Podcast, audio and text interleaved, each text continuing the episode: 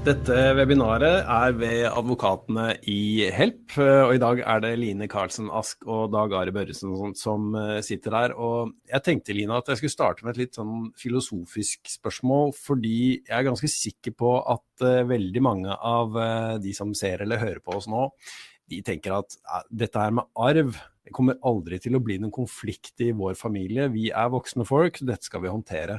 Eh, og så er det sånn at eh, statistikken viser jo noe annet, egentlig. Hvor er det det går galt, tror du? Altså, jeg tror eh, at det at noen dør, er jo en livskrise. Ja. Eh, og at man ikke skal undervurdere hva det kan gjøre med oss mennesker å stå i en livskrise. Så ofte så ser vi jo at det som kanskje kilder konflikt, er mer sånn følelser tilbake fra barndommen. Du ble, eh, føler deg liksom oversett i forhold til dine søsken, eller urettferdig behandla osv. Så videre. sånn at det som utløser arvekonflikten, er ikke nødvendigvis pengene isolert, mm. det er det emosjonelle. Mm. Og det tenker jeg at eh, smart å prøve å få rydda unna med å ha gode, klare avtaler og noen kjøreregler som forhindrer konflikt. Mm. Eh, det er en stund siden jeg har holdt på med arvesaker, men det jeg godt kan huske, og som jeg har en mistanke om at fortsatt eh, stemmer, det er eh, partnerne til arvingen og den betydningen de kan ha for temperaturen i arveoppgjøret, hvis vi skal si det sånn stemme, eller er det også ditt inntrykk av at partnerne kan stelle i stand litt sånn um, Eller gjøre arveoppgjøret mer komplisert, da? Ja, altså det er jo, jo flere kokker, jo mer søl, ikke sant. Jo flere arvinger det er, jo flere kilder til konflikt kan det være. Mm. Eh, og det vi ofte ser da, det er jo kanskje at den som er sørgelig er ramma av det, og så har man kanskje en partner, ektefelle eller samboer som ikke er like ramma av sorgen, og som går inn og tenker nå skal jeg hjelpe min partner til å få det han eller hun har krav på. Mm. Eh, og så blir det ytterligere konflikt. Så f.eks. når man skal dele innbo og ting som den avdøde etterlater seg, så sier vi jo konsekvent ikke ta med partnere på den delinga. Mm. Fordi det vi ser er at det fort blir konflikt. Dette er jo litt sånn vanskelig tema å snakke om, fordi at uh, som eh, partner så er jeg helt sikker på at veldig mange ønsker å Altså man tar jo del i sorgen. Mm. For ofte så er det et menneske som uh, man har vært ganske nær. Uh, og det kan jo også bidra til at det blir mye følelser involvert, da. Mm. Ja. Men, men, det klare rådet fra advokaten er altså at vi som er partnere i, eh, til noen som står midt i et arveoppgjør, vi bør egentlig finne på noe annet til arvingene er enige. Hold deg på sidelinja. Ja. Vi må si noe generelt om arvereglene, Line. Det kan vi gjøre. Og, jeg har lyst til å si litt om, om For juss er jo vanskelig hvis man ikke jobber med det. ikke sant? Og det er vanskelig å få kontroll over reglene. Mm. Og det som er med arverett, er at på et eller annet tidspunkt i løpet av livet så skal vi miste noen som er oss nær. Sånn at de fleste av oss kommer til å måtte stå i et arveoppgjør. Og det er jo da som eh, det er greit å ha litt oversikt over reglene, mm. sånn at det ikke det går galt.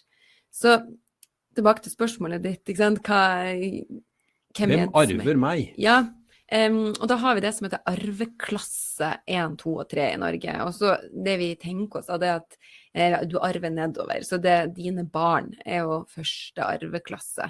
Og så mm. blir dine foreldre andre arveklasse, og så blir det besteforeldre som er tredje arveklasse. Uh, og sånn enkelt sagt så må arveklasse 1 være tom for at det skal gå arv til arveklasse 2. Uh, så du følger egentlig slektstreet når du tenker eh, på hvem som skal arve. Og så har vi jo samboer og ektefelle som ikke er biologisk eh, slekt, mm. men likevel har arverettigheter etter arveloven. Mm. Um, ja, og samboere særlig skal vi komme litt tilbake til. Men uh, vi har ikke sagt noe særlig om uh, i hvilken grad jeg kan takke nei til arv, selv om jeg er arving. Har jeg, har jeg mulighet til å si at uh, nei takk, jeg Enten så vil jeg ikke ha arv, eller så syns jeg at arven kan gå videre til barna mine, f.eks. Kan mm. jeg gjøre det? Det kan du gjøre. Mm. Eh, og det heter å gi avkall på arv, og det, det kan du gjøre. Mm. Det som du ikke kan, du kan ikke gi avkall på arv og bestemme at det skal gå til min søster Lise hvis du har barn. Fordi mm. hvis du gir avkall på arv, så går arven som om du selv var død. Mm. Så har du barn, så vil det være dine barn som trær inn i ditt sted hvis du sier nei til arv. Mm. Men det vi får mange spørsmål om, det er jo dødsbo der det er bare gjeld. At det, det Ja. er ikke noe penger. Mm. Um, og da er det jo i hvert fall lurt å kanskje vurdere om du skal gi avkall på arv. Fordi at når det bare er minus, så er det jo ingenting å hente. Mm. Så det har vi en del spørsmål om, og her finnes det ulike løsninger. Det går an å få en såkalt fullmakt til å bare fikse begravelsen og sånn. Og så eh, er det også noen grenser da for at du ikke blir gjeldsansvarlig hvis arven er under ca. 300 000 osv. Mm. Ja, det der kan vi også komme litt Mm. tilbake til. Men eh, vi har jo dette her som, eh, som heter pliktdelsarv. Uh, kanskje skal si litt om det, for det er den arven som barna dine skal ha. Mm. Og det, det har vi jo i Norge. I Norge så kan du ikke gjøre dine barn arveløse. Det finnes et lite unntak hvis barna dine har gjort seg skyldig i Mm.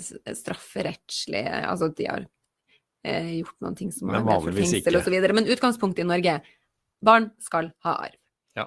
Og i henhold til arveloven så skal barn ha to tredjedeler av det du etterlater deg, men minimum 15 G, som er ca. 1,6 millioner i dag. Ja, 15G, den G-en, det som for folketrygdens grunnbeløp. Ikke sant? Ja. Em, 106 399. Ja. Eh, så det som em, Har du mye penger, så kan du begrense arven til 15G og si jeg skal gi resten til Røde Kors. Mm. Men har du ikke veldig mye penger, så kan du si at to tredjedeler skal gå til mine barn. Og så har du da den frie en tredjedel som du kan disponere over. Mm. Men hvis det er et uh, lite dødsbo, uh, og så er det en livsarving, og så er det en, altså et, et barn, da. Mm. Uh, livsarving. Jeg vil kalle det et barn. Og så er det en ektefelle. Mann eller kone. Eh, hvem er best sikret av de to, hvis det ikke er mer enn en 400 000-500 000 i det boet? Mm. Det er et godt spørsmål, for det som er viktig å vite, det er jo at ektefellen sin rett til minstearv, eh, som er ca. 425 000, er 4G, ca. 425 000, Mm. det går først Mm. foran barns rett til arv. Så er det mindre verdier enn 4G, altså 425 000 i et bo, mindre verdi enn det, så er jo ektefellen enearving. Mm. Og det samme gjelder for samboere som har, har hatt eller venter felles barn. De Mm. arver også 4G, som er 425 000. Um, og her har jeg bare lyst til å si for de som hører på, som har samboere uten å ha felles barn med samboer, de arver ingenting av hverandre. De må ha testament hvis de har lyst til å motta arv fra samboer. Det håper jeg alle fikk med seg, at eh, samboere uten felles barn arver ikke hverandre automatisk. Så hvis du har lyst til å sikre samboeren din, sånn at arven ikke går til vedkommendes da slekt, Mm. eh, slektsarvinger, eh, så må dere altså skrive et testament. Og hvis du har eh, advokatforsikring, så er det sånn som vi kan eh, hjelpe deg med. Både med testamentet og den samboeravtalen som vi også anbefaler deg å, mm, å ha. Men eh, jeg har lyst til å bare holde litt fast på eh, dette her med, med når en ektefelle dør. Fordi at eh, hvis, man, eh, hvis du går inn der du ellers finner podkast, så vil du finne ganske mange episoder om forskjellige temaer under arv. Og en av de episodene som ligger der, handler om uskifte. Eh, og uskifte, Line, det tror jeg kanskje en del av oss tenker at det er en tilstand som man nærmest glir over i når eh, ektefellen dør, eller samboer. Eh, men uskifte, det er noe man faktisk må ta aktivt stilling til, ikke sant? Bare så det er sagt. Ja. Jeg tror det er mange som faktisk heller ikke helt forstår hva uskifte betyr. Mm. Eh, og uskifte, det betyr at du har en ektefelle eller en samboer, eh, og du har felles barn, og så har du da rett til å sitte i uskifte med de felles barna. Mm. Så det du gjør er egentlig at du ikke utbetaler arv til barna som ellers skulle hatt arv. Eller det kan, være, det kan jo være annen slekt også enn barn. Men du betaler ikke ut arv, du forvalter bare arven frem til du selv dør eller ønsker å skifte, og så utbetales arven til de som skulle hatt arv. Mm. Eh, og når du sitter i uskifta bo, så forvalter du arven på helt vanlig måte. Du kan selge huset ditt og kjøpe ei mindre leilighet, du kan reise på ferie, du kan dra på jorda rundt-tur. Men eh, du har ikke lov til å gi bort store gaver til kun én arving, men ikke til flere. Altså du fordeler til noen uten at andre får. Du må likebehandle arvingene. Mm. Så har du heller ikke lov til å gå bananas uh, og kjøpe uh, kryptovaluta eller uh, spille bort pengene på nettpoker. Så du skal forvalte, men ikke liksom skusle bort arven med mm. vilje. Mm. Så jeg sitte i uskifte, det vil si at jeg må forvalte arven på vegne av barna mine på en fornuftig måte, da. Litt ja. sånn konservativ måte. Ja, litt, da, men du, du, kan jo leve som normalt. Men det som er litt viktig, det har jo mange tenker at det er så lett, fordi når noen dør, så får du beskjed fra tingretten om å ta stilling til om du vil sitte i urskifte, privatskifte eller offentlig skifte. Mm. Og da er det mange som tenker at det er så lett med urskifte fordi det er én signatur, og så fortsetter du som normalt. Men vi ønsker jo at man tenker grundig gjennom om urskifte er det lureste. Mm. Det har jeg side mot at hvis du er ung, når du mister din ektefelle eller samboer, så kanskje det kan være at du gifter deg på nytt, og da blir du nødt til å skifte. Eh, det kan være at du har høy gjeldsbelastning, sånn at det er ganske lite å utbetale i arv. Eh, og det kan også være vi har tilfeller hvor du egentlig pengemessig var enarving, og så har du bare valgt urskifte fordi det virka så lettvint. Mm. Så her vil jeg si at urskifte er en fin mulighet, men det er ikke alltid den beste muligheten. Mm. Du må foreta en vurdering. Mm. Uh, og hvis du har LO Favør advokatforsikring, så uh, råder jeg deg sterkt til å ta kontakt med oss, om ikke annet for en rådgivende prat med, med advokat. Jeg tror det er en ganske naturlig uh, reaksjon når man har uh, mista partneren sin da er det en del ting man har lyst til å skyve litt foran seg, tror jeg. Og når da muligheten for å kunne sitte i uskifte gjennom en liten attest uh, er til stede, så er det veldig lett å tenke at åh, det der får utsettes til senere med fordeling og ta stilling til om man skal gjøre det ene eller det andre. Men den praten kan det være verdt å ta med advokaten, da, med andre ord. Absolutt. Mm. Mm. Ja, men du, um, vi begynner å få inn spørsmål. Ja. Uh, og det kommer til å gjøre at dette blir litt springende. Men uh, det første spørsmålet, det, um, det, er egentlig en fin overgang til det jeg hadde tenkt skulle være neste tema. Fordi det er noen som spør når man ikke har barn, men søsken og far som er i live, kan jeg da testamentere alt til samboeren min? Det kan du. Ja. Mm. De som, det eneste som har liksom krav på arv eh, av slekta, det er jo barn. De har mm. rett til arv til dine egne barn. Eh, og så vil jo en ektefelle og en samboer ha noen rettigheter. Men eh, arverekke to, da, som er foreldre og søsken, de har ikke krav på arv eh, hvis du ønsker å opprette testament og bestemme noe annet. Mm. Så det er fullt mulig, og kjempesmart.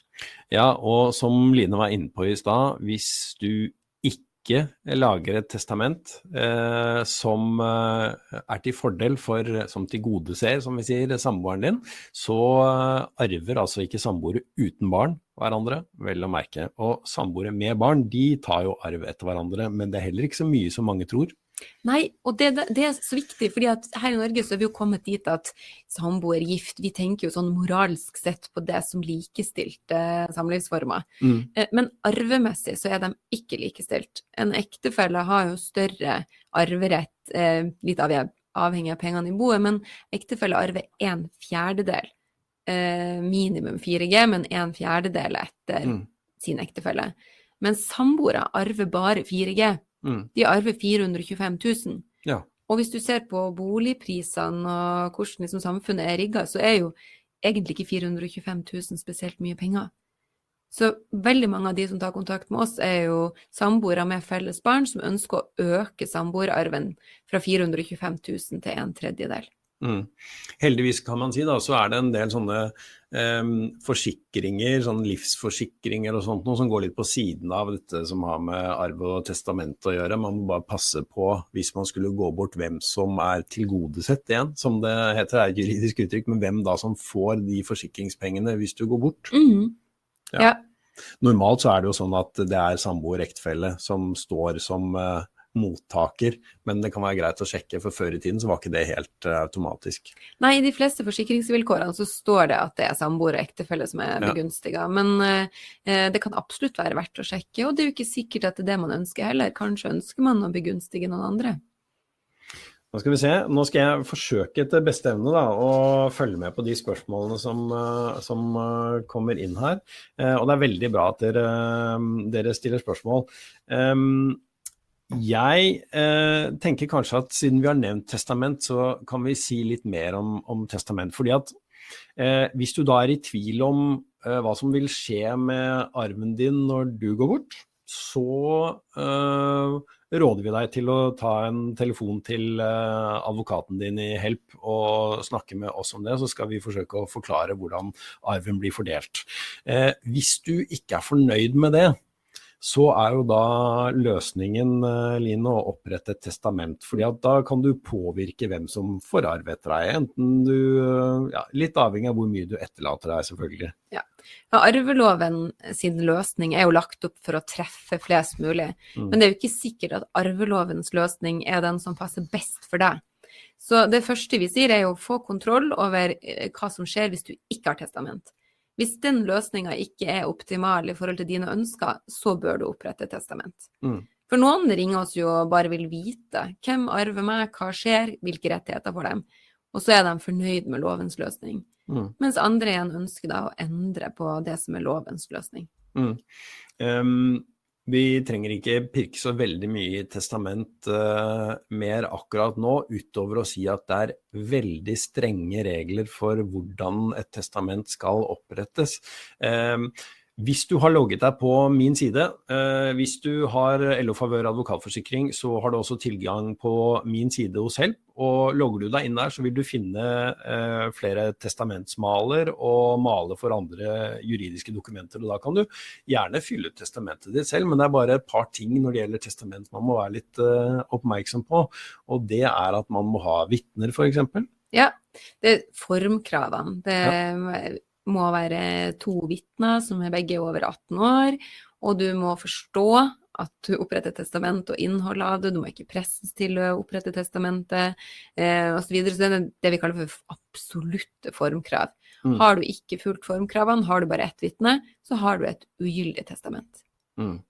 Så pass på det. Og det er også noe du kan spørre advokaten din om hvordan du gjør. Og så er det én ting i, i, forbindelse med vitner som jeg tror mange ikke er klar over, og det er Altså man kan Man går jo gjerne til naboen, ikke sant. Ja. Eh, for å få naboen til å være vitne oss, men det er ikke slik at du har nødt til å fortelle naboen nøyaktig hva som står i testamentet ditt. ikke sant? Altså, det har jo egentlig ikke naboen noe med, men han må bare vite at det er et testament han er vitne på. Det er helt riktig, og det, det, er mange som er litt sånn ja, men hvem skal jeg bruke som vitne? For man har kanskje ikke så lyst til å, å, dele med Gud og hvermannsen hva som står i det testamentet. Mm. Eh, men eh, det er helt riktig. Det de skal bevitne, er jo at du er ved dine fulle fem og gjør det frivillig. Mm. De skal ikke bevitne at innholdet er på noen måte det ene eller det andre.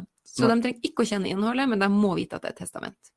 Du, Vi får inn gode spørsmål, og det er jo nesten sånn det er uh, avtalt spill, dette her. Her er det eh, en som har et spørsmål om forskudd på arv. og Det passer jo godt inn i det vi eh, snakker om nå. Pengegaver som blir gitt og ikke er forskudd på arv, står det her.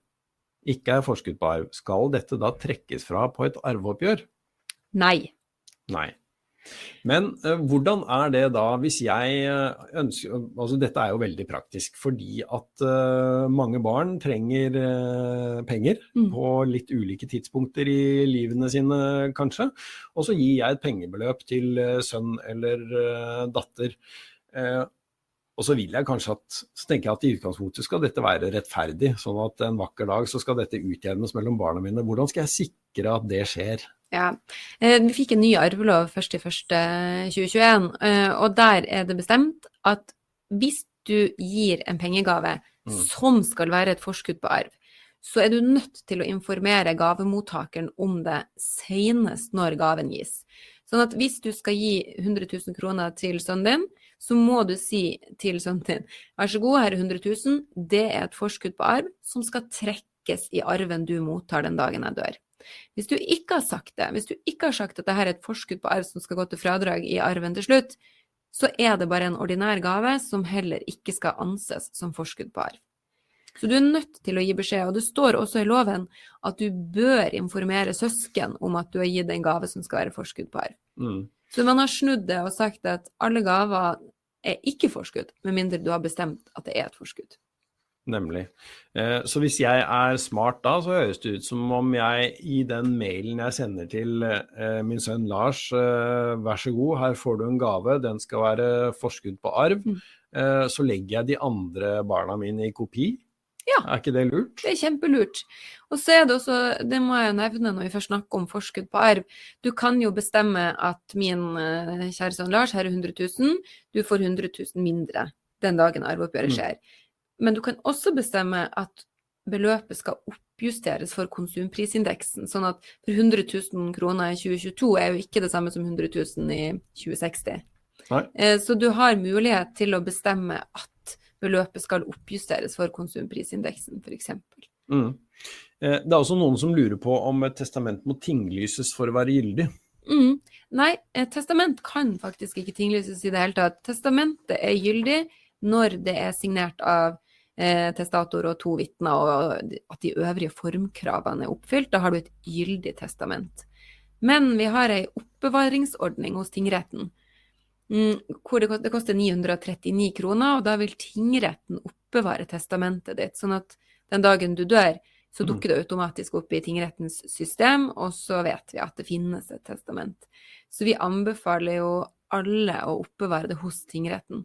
Vi ser en del testamenter som ligger i våpenskap, Mm. safe, bankbokser, som ikke dukker opp i tide, eller ikke finnes i det hele tatt. Hva vil i tide si? Altså, vi har en foreldelsesfrist på, på ti år da, etter Mm. arveloven, men det handler litt om at eh, f.eks. hvis du vil at noen skal ha en spesifikk eiendel, eller Mm. altså du må jo Ja. Eh, Og noen regulerer jo også som, hvordan begravelsen skal skje, om de vil kremeres, eh, begraves. Og da er det litt greit at det testamentet dukker opp i tide, da, før boet er gjort opp. Mm. Her er det et eh, veldig praktisk spørsmål som i og for seg gjelder mange. Hei, hva med når man er skilt og ikke er gift på nytt? Om den ene går bort, har man rett til å arve den personen om vi har et barn? Altså, når, Mm. altså har skilte arverett etter hverandre når de har felles barn, er spørsmålet. Ja, nei, ektefella sin rett til arv opphører i det søknad om separasjon er mottatt av eh, statsforvalteren. Mm. Så da har man ikke som ektefelle arverett. Men det som er, kan være litt interessant der, det er faktisk at hvis man har vært gift i veldig mange år, eh, og det er ikke så lenge siden man gikk fra hverandre, så kan man få noe eh, etterlatte pensjonsrettigheter via Nav.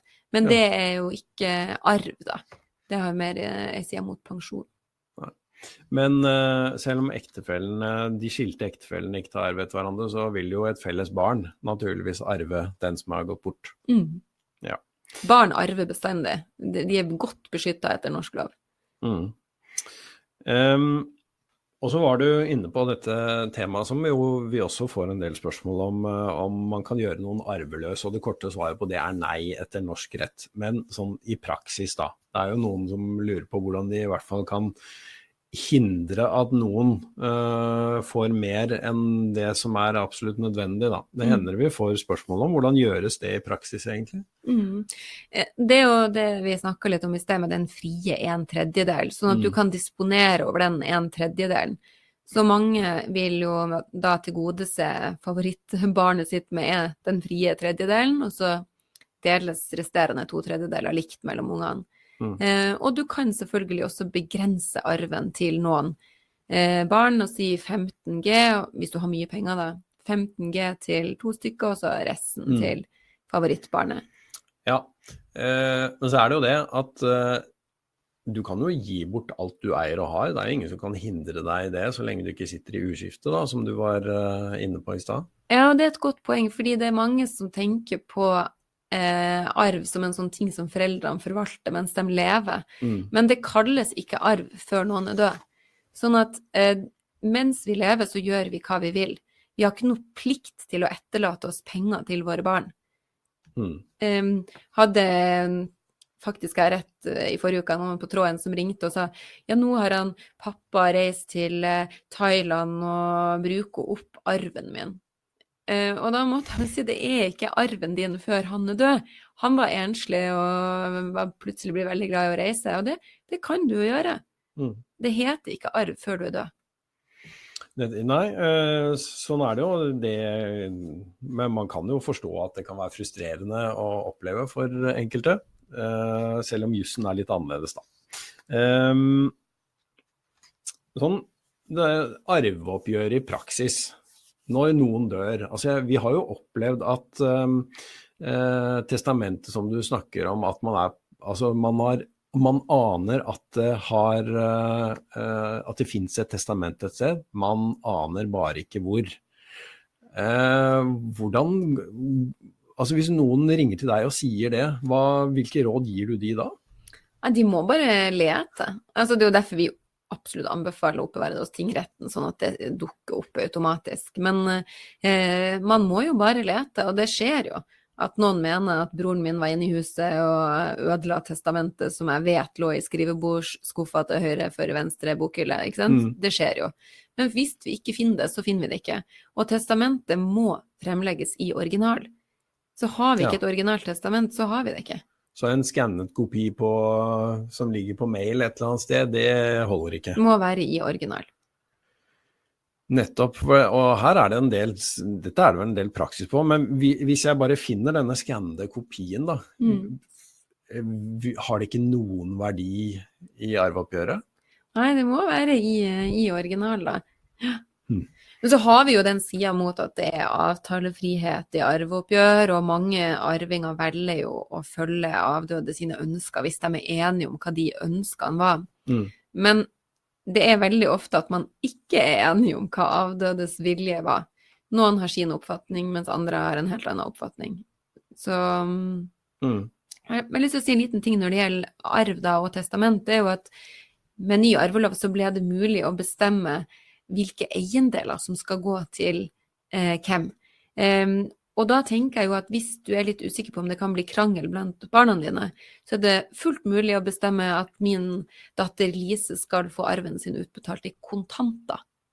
Eh, og ja. da, da, tar du litt brodden av mye konflikt ikke sant, med den deling av innbo og sånn som kan fort bli problematisk.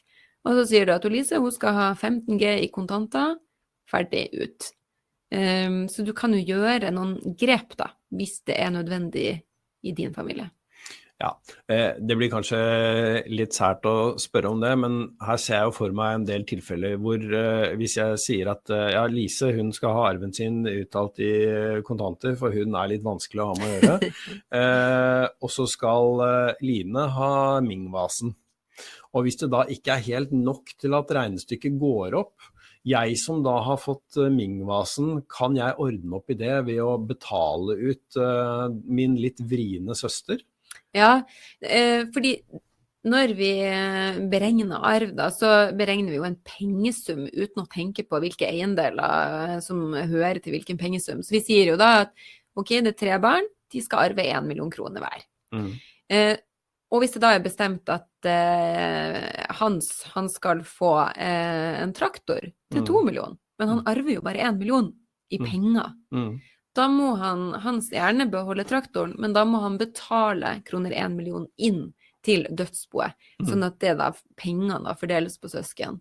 Så du kan bestemme fritt over hvilke eiendeler som skal gå til hvem, men hvis eiendelens verdi overstiger det du skal ha i penger i arv, så må du betale penger inntil dødsboet. Mm. Eh, hvis jeg ikke hvis jeg strengt tatt ikke har så mye bruk for en traktor i oppkjørselen, må jeg ta den imot? Nei, må, da, da, selges den jo på eh, vanlig måte av boet, tenker jeg, hvis du liksom absolutt ikke vil ha den traktoren. ja.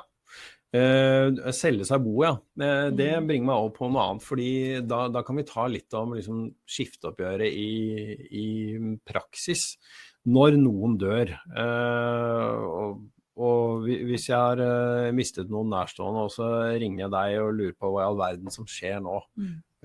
Hvordan foregår dette arveoppgjøret i praksis, egentlig? Ja, Det første som skjer, er jo at eh, legen på sykehus eller ambulansepersonell eller konstaterer dødsfall og gir beskjed videre til folkeregisteret oftest, som igjen da gir beskjed til tingretten. Kan også være begravelsesbyrået som gir den beskjeden. Eh, og da vil jo tingretten tilskrive arvingene. Eh, noen ganger så er det også sånn at du opplyser hvem som er arvinger til begravelsesbyrået, som igjen eh, gir beskjed til tingretten, men tingretten sender da ut et brev til arvingene, og så skriver man da visse forelegg testament, så vil de sende det også ut. Og så skriver man at du er arving etter XX, som er død slik og sånn. Ønsker du å overta boet til privatskifte eller offentlig skifte? Altså hvilken skifteform vil du velge? Mm. Urskifte er jo også mm. Og så må du begynne å ta stilling til hva som er lurt i din situasjon. Da. Er det urskifte, var vi jo litt inne på i sted, eller er det da privatskifte som er det vanligste? Mm. Det betyr at arvingene får utlevert eh, boet til privatskifte. Da får de en skifteattest som gir dem tilgang til bankkonto, kan signere på skjøtet hvis det skal selges en eiendom. Så de da kan forvalte boet og dele arven likt seg imellom. Det er jo det som er det vanligste i Norge. Mm. Men Betyr det da at hvis det er fire søsken, da, så vil alle uh, få det samme brevet om at du er arving, og du må ta stilling til om du vil overta dette til privat skifte. Hva om jeg ikke blir enig med søsknene mine om dette? Ja, det står i samme brev så står det at du har en 60 dagers tidsfrist til å bestemme deg. Mm. Den tidsfristen kan man be om å få utsatt hvis man ikke har klart å bestemme seg på 60 dager. Mm. Um, så overtar man da sammen, uh, så må alle signere inn de 60 dagene. Om man har 60-dagersfristen utløpt, så kan jo én overta til privatskifte, f.eks. Men det som er viktig å vite, det er at når du overtar til privatskifte, så påtar du deg gjeldsansvaret til avdøde. Så du må ha kontroll på hvor mye gjeld avdøde etterlot seg for å overta til privatskifte. Ja, og hvordan får jeg det, da? Ja. Eh, du, eh, når du har fått deg brev fra tingretten og vet at du er arving, så kan du be tingretten om å utstede en såkalt formuesfullmakt til deg. Ja. Det er en fullmakt som gir deg rett til å innhente skattemeldinger til avdøde. Den gir deg rett til å gå i banken og be om bankutskrift tre måneder tilbake i tid. Mm. Eh, og da får du en ganske god indikasjon på gjelda til avdøde. Det er også mulig å få utstedt noe som heter proklama. Da kan tingretten si at alle som mener de har et pengekrav mot avdøde, må melde fra innen seks uker.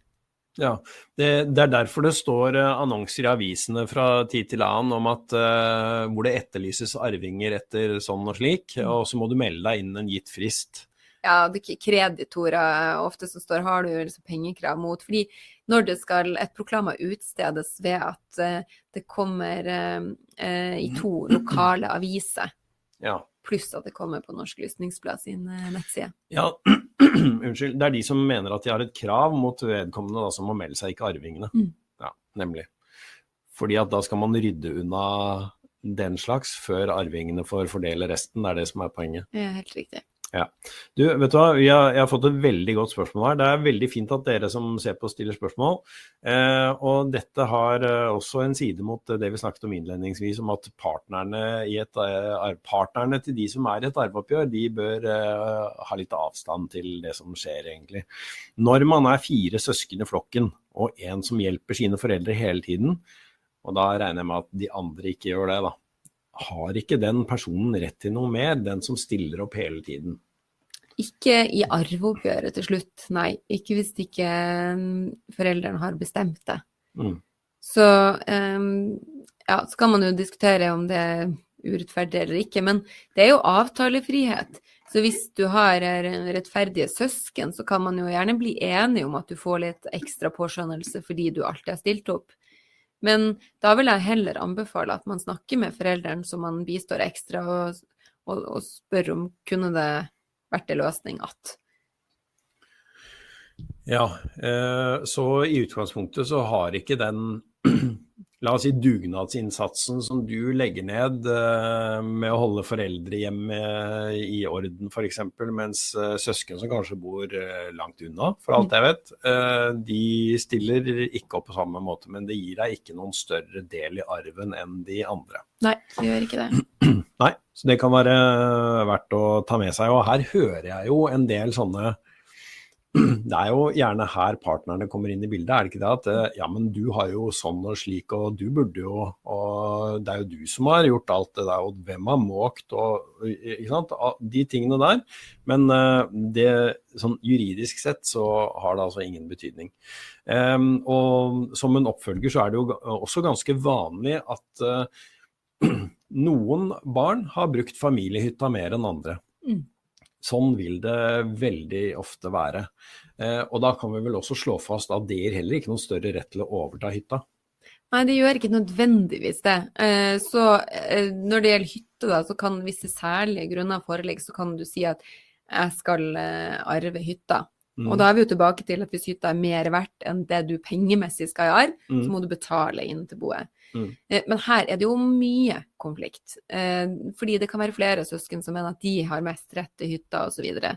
så her er mitt absolutte lag testament og skriv hvem som skal få lov til å utlegges, eller få den hytta da på mm. arveskiftet. For det kan du jo gjøre nå. Og si at uh, min, min, sønn Dag Are skal få lov til å få hytta på skiftet. Ja, det er jammen ikke godt å vite hva som Altså Den som etterlater seg arv, vil jo ofte tenke at jeg vil, jeg vil handle sånn at det ikke blir noen konflikter etter meg. Mm. Eh, og så eh, er det ikke helt godt å vite om det blir mindre konflikt av at jeg faktisk skriver et testament hvor jeg skriver at Line, du skal ha hytta, eller om jeg overlater dette til, eh, ja, til jeg er borte, da. Ja. Eh, og det er jo da min største oppfordring er snakk sammen om arv. Man må tørre å snakke om det, fordi det øyeblikket kommer hvor det blir et tema uansett. Og da er det mye bedre at man tør å snakke om det før det inntreffer. Mm. Eh, og så har vi jo en del som ringer og sier at eh, det er så vanskelig å snakke med egne foreldre. Altså at Man kan godt tenke nedover på sine barn og unngå konflikt, mm. men de syns kanskje det er vanskelig å snakke med sine foreldre. Mm. Og der er mitt tips og inngangsport og si til sine foreldre at mamma og pappa, jeg er bekymra for at det skal bli konflikt når dere dør. Mm. Kan dere være så snill å rydde opp og sørge for at vi på best mulig vis kan slippe konflikt den dagen dere er borte? Istedenfor at man kanskje begynner å snakke om penger, og så sier foreldrene du er bare grisk og tenker på penger. For det, det skjer i en del situasjoner. Mm. Så jeg bruker å tipse om at man skal snakke om det å unngå konflikt. La meg få lov til å sørge når dere er døde. Jeg skal slippe å måtte krangle. og eh, Kanskje er da slektskap og familie, familier ødelagt for alltid. Mm. Det er jo en del familier som slutter å snakke sammen og aldri mer vi blir venner. Og det mm. kan man unngå hvis man tør å snakke om det før døden kommer. Du, um, har du inntrykk av at um, hva skaper mest konflikt? Er det ting, eller er det verdiene? Ja, Det interessante der er at det oftest er ting. Eh, og det trenger ikke å være en dyr mingvase, som vi var inne på i sted. Det kan være eh, ei lofotkiste altså, som har mer affeksjonsverdi enn verdi på det åpne markedet. Mm. Eh, så jeg tror at det, det emosjonelle er jo det som gjør arveoppgjør vanskelig. Eh, det kan være bilder hvordan, altså fotografi, hvordan fotoalbum skal mm. fordeles og sånn, det, det, kan skape ofte størst konflikt. Ja, og hvordan løser vi de um, spørsmålene der? Der finnes det jo litt sånn ulike løsninger. Man kan jo lage ulike hauger av uh, eiendeler, og så trekke lodd. Det er én mm. mulighet. Mm. Ja, det er det som er viktig når man da har et dødsbo og skal møtes kanskje for å dele innboet. Huset ja. skal selges og alt skal tømmes. Mm.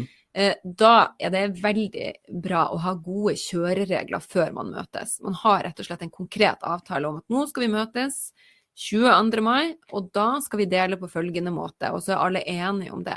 Og her igjen, ikke ta med partner. Samboer og ektefelle skal ikke være med, det er arvingene som skal møtes.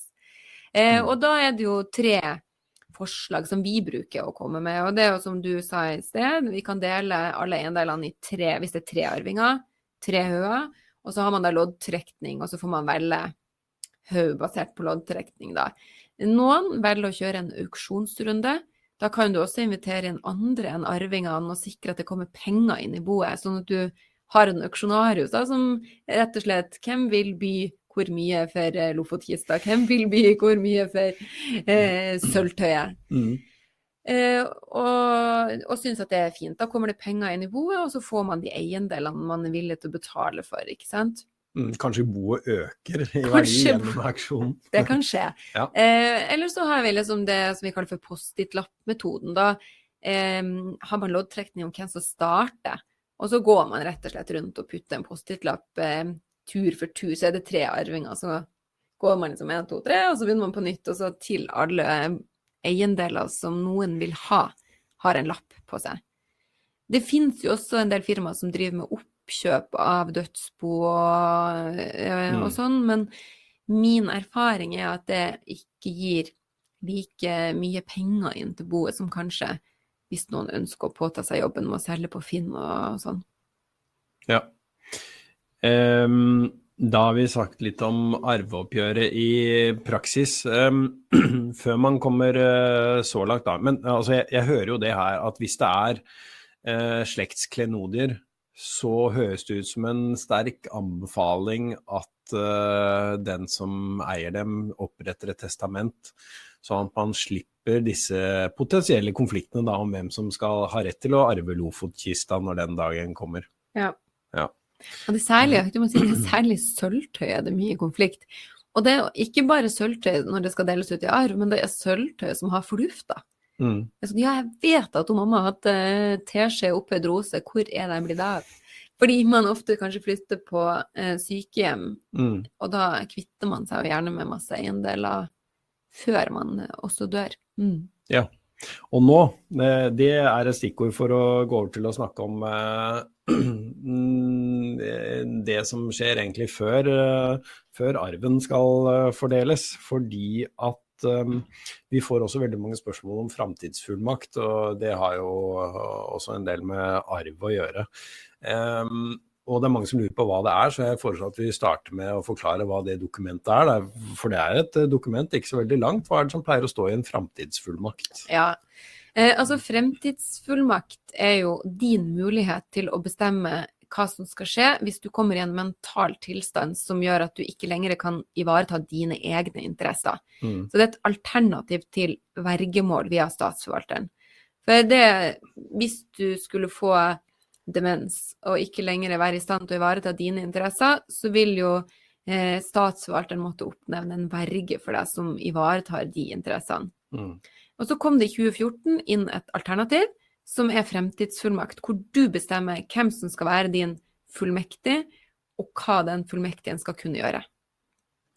Og den fullmektigen kan jo bestemme, eh, eller utføre arbeidsoppgaver både knytta til det økonomiske, men også private gjøremål følge deg til legen eh, osv. Så, videre. mm. så eh, det er rett og slett din mulighet til å bestemme hva som skal skje hvis du mentalt sett ikke er sant gjøre det selv. Mm.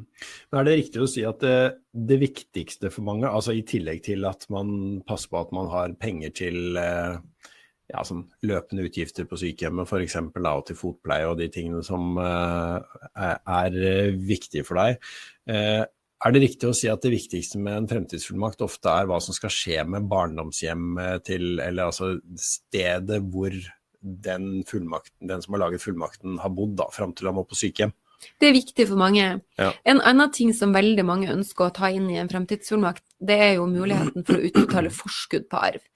For eh, hvis du ikke har fremtidsfullmakt, og det går via ordinært vergemål, så skal det litt til for at statsforvalteren godkjenner utbetaling av forskudd på arv. Og så er det noen som sier at mm.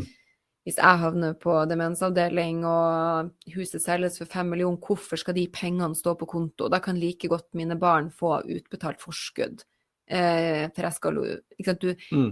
den tre, Fullmakten trer jo ikke i kraft før du er varig ute av stand til å ivareta egne interesser. Det kommer ikke til å skje at du plutselig blir frisk som en fisk og er tilbake. Det skjer ikke. Så forskudd på arv er det veldig mange som ønsker å ta inn i en fremtidsfullmakt, og det anbefaler jeg jo sterkt å ta inn hvis det er et ønske du har. Ja. Eh, det kommer inn flere spørsmål her, så jeg, jeg holder på å Jeg skal prøve å få med meg eh, de siste. Men um, jeg husker vi fikk et godt spørsmål i forbindelse med framtidsfullmakt. Uh, og det handler om Altså hvis jeg i tillegg til å ha skrevet framtidsfullmakten, hva skal skje hvis jeg ikke er i stand til å ta vare på meg selv lenger? Uh, så har jeg i tillegg skrevet et testament. Kan jeg da skrive i framtidsfullmakten min at den dagen jeg ikke klarer å, å, ta vare på meg selv, sånn at jeg trenger denne framtidsfullmakten, kan jeg da be om at uh, testamentet mitt fullbyrdes? Ja, det er et godt spørsmål, men det som er veldig viktig, det er jo at fremtidsfullmakt ikke er et testament. I en fremtidsfullmakt så må du ikke forholde deg til pliktdelsregler, altså, da er vi jo ikke der. Eh, formkravene til opprettelsen, det at du skal ha to vitner som er habile og over 18 år, de er de samme. Ja. Men eh, innholdet reguleres jo ikke av arveloven i en fremtidsfullmakt. Nei. Sånn at eh, når det gjelder den fremtidsfullmakten, så er det jo veldig greit at du har i bakhodet at du har et testament, og sånn at ikke du skriver i testamentet at min uh, datter skal motta huset, og så står det i fremtidsfullmakten at det er det bare å selge, og så skal Per ha pengene. Ja. Fordi da blir det jo en mismatch her. Så det noen velger å gjøre, er jo å gi fullmektigen innsynsrett i testamentet i fremtidsfullmakten, f.eks. Ja. Eh, og noen velger å legge ved en kopi av testamentet og si at forskudd på arv skal betales ut eh, i tråd med testament, altså sånn. Men da, jeg har en sånn Ja, det, man må tenke litt grundig over det, så jeg liker å si at det er to forskjellige ting. Fremtidsfullmakt er det du uansett kunne gjort hvis du var mentalt frisk, Mm. mens testamentet er jo det som skal reguleres når du er borte. Ja. Mm. Eh, og så nevnte du fullmektig. Det, det er jo da sånn at uh, når du skriver en fremtidsfullmakt, så må du bestemme hvem det er som skal ta vare på, passe på interessene dine, betale regninger og ha tilgang til bankkontoen din og, og sånt. Uh, når du ikke kan passe på deg selv lenger. Hvis da mine foreldre har gitt bror eller søster den rollen da, som fullmektig, kan jeg protestere på det fordi at jeg kanskje ikke stoler så mm, godt på søsknene mine? Altså ja og nei. Eh, du, hvis du tro, Hvis det er grunn til å tro at en fullmektig ikke gjør som han skal i tråd med fullmakten og sånn, så går det an å sende en klage til statsforvalteren. Mm. Og så vil de da kreve redegjørelse og, og sjekke opp om det stemmer. Men jeg vil heller si at de som oppretter en fremtidsfullmakt, må tenke grundig igjennom hvem som skal være fullmektig. Det må være noen man har tillit til, det må være noen som er ryddig. Veldig mange bestemmer hvis de har flere barn. Så har de da først ektefelle eller samboer som fullmektig nummer én. Hvis ektefelle samboer ikke er i stand til å være fullmektig, så sier de at mitt barn Mm. Y skal være min fullmektig. Ja. Og så gir de en innsynsrett i skattemeldinger og bankutskrift til de andre ungene. Mm. Så man sier at det er, min datter Line skal være min fullmektig, men hennes søsken skal ha årlig innsynsrett i skattemelding og bankutskrift. For da får du en sånn kontrollfunksjon som gjør at eh, den ene fullmektigen kan enkelt utrette arbeidsoppgavene, eh, og så kan de andre sjekke at ikke det forsvinner penger, eller at det skjer noe. Mm. Så hvis jeg da får den eh, bankutskriften, og så ser jeg at hm, den utbetalingen der og den der og den der og den der, hva er nå det egentlig? Og så får jeg ikke noe godt svar på det fra søsteren min. Eh, er det da statsforvalteren, altså den gamle fylkesmannen, som jeg skal klage til, da? Ja, det er riktig. Så en fullmektig kan jo strengt tatt havne i erstatningsansvar da, hvis de gjør noe helt forferdelig. Men jeg vil si at det smarteste du gjør, er å velge en fullmektig du tror eh, vil oppfylle arbeidsoppgaven sin på en eh, lojal måte. Mm. Du, ehm, vi eh, snakker jo like iherdig om framtidsfullmakt som vi gjør om både samboerkontrakt og gjensidige testamenter for eh, samboere. Men hvis man da ikke har Hvis jeg ikke har eh, laget noen fremtidsfullmakt, og så blir jeg dement, Og dette skjer jo i veldig mange tilfeller. Uh, og så merker barna mine at uh, nå er det noe som ikke stemmer her, og de føler at de kan ikke stole på at jeg faktisk velger riktige beslutninger. Jeg har akkurat hørt om noen som har gitt bort masse penger, og som trolig da ikke er ved sine fulle fem. Hvis jeg merker at det begynner å glippe litt hos den eldre generasjonen, hva kan jeg egentlig gjøre med det?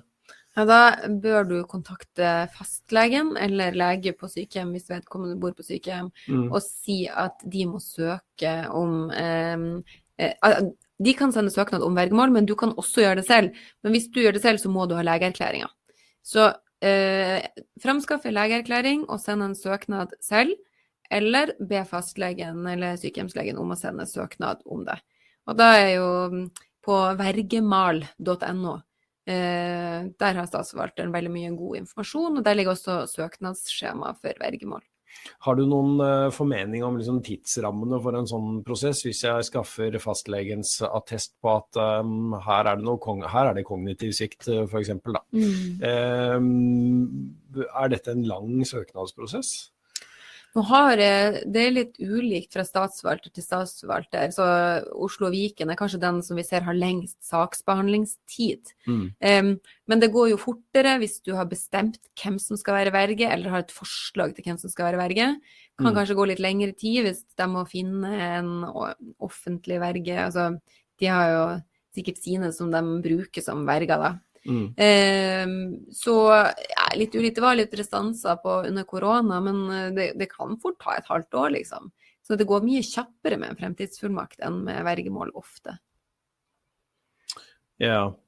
Eh, vi får stadig inn spørsmål, vi. Her er det en som lurer på kan man gjøre barna sine arveløse ved å sette alt over til ny ektefelle som man ikke har felles barn med? Og svaret på det er vel kort og godt nei. Ja, det er nei, men.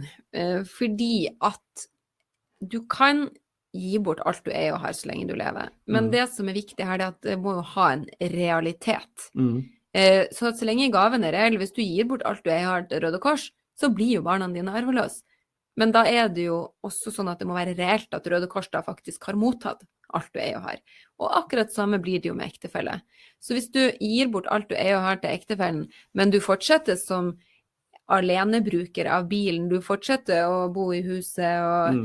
da vil man komme over en sånn diskusjon om det livs- og dødsdisposisjon. Og så sier man ja, men det er en dødsdisposisjon som er gjort med døden for øye.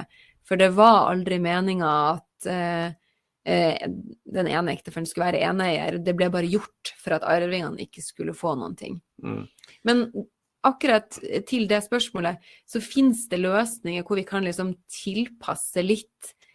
Vi lager en ektepakt, og vi lager testament hvor vi kan sørge for at det blir mest mulig til ektefellen, i hvert fall. Mm. Så ja, så lenge det er reelt, så kan du jo i teorien gjøre det, men det må ikke være en dødsdisposisjon.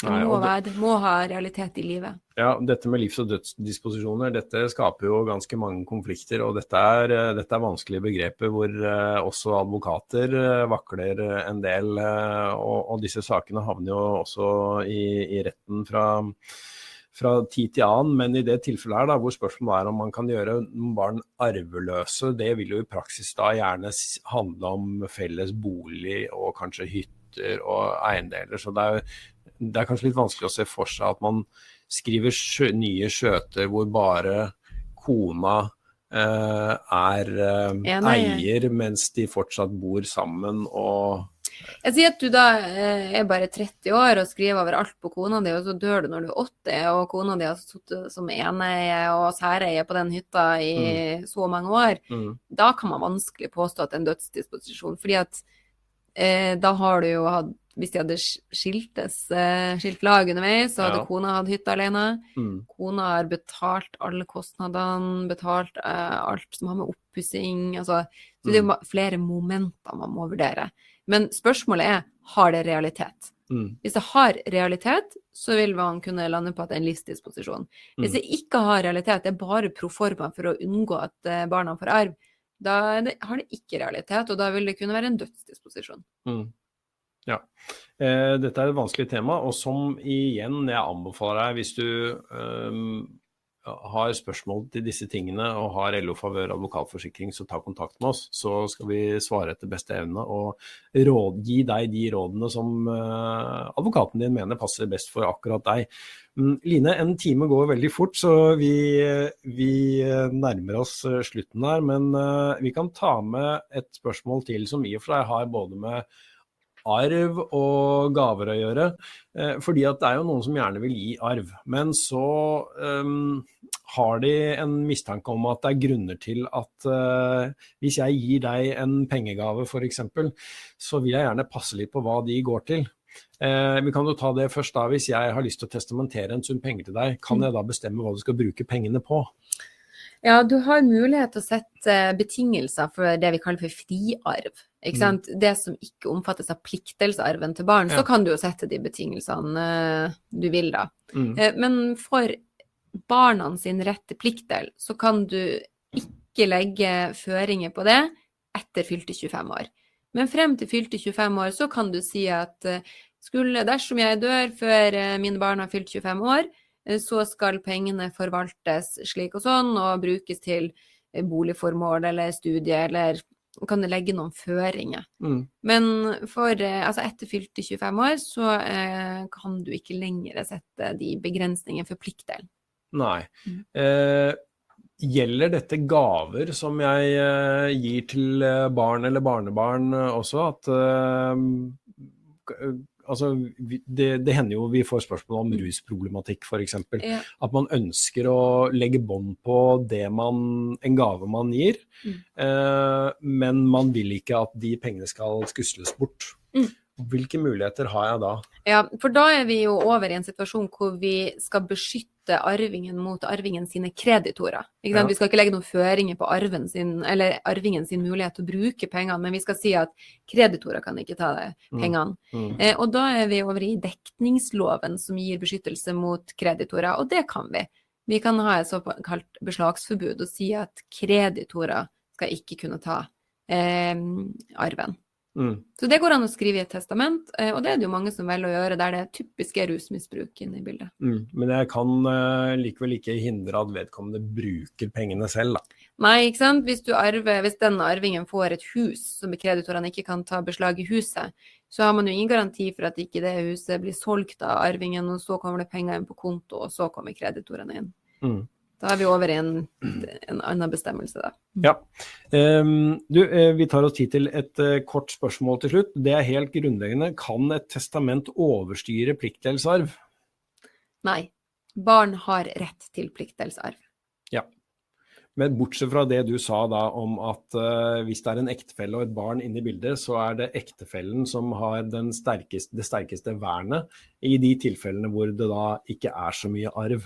Ektefelle og samboer sin rett til 425, altså 4G, som er 425 000, mm.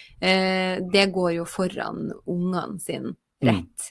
Eh, fordi altså, Ja, sånn er det bare. Men mm. eh, pliktdelsarven kan ikke fjernes i testament.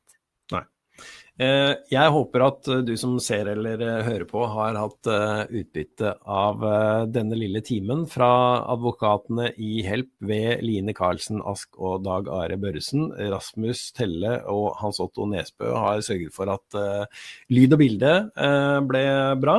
Eh, og hvis du har eller favør advokatforsikring og har flere spørsmål, så er du hjertelig velkommen til å ta kontakt med, med Help. Eh, du kan opprette sak eh, veldig enkelt på min side, så jeg anbefaler det. Hvis du vil høre mer om arverettslige temaer og andre temaer også innenfor advokatforsikringen, så har du også dekning for familierett og fast eiendom og netthets og ID-tyveri. Og det er mange interessante temaer der. Og du finner veldig mange episoder i vår podkast. Help-podden heter den. Og den finner du der du ellers finner podkastene du hører på. Jeg tror vi sier at det var det. Line, tusen takk for at du så eller hørte på Help-podden.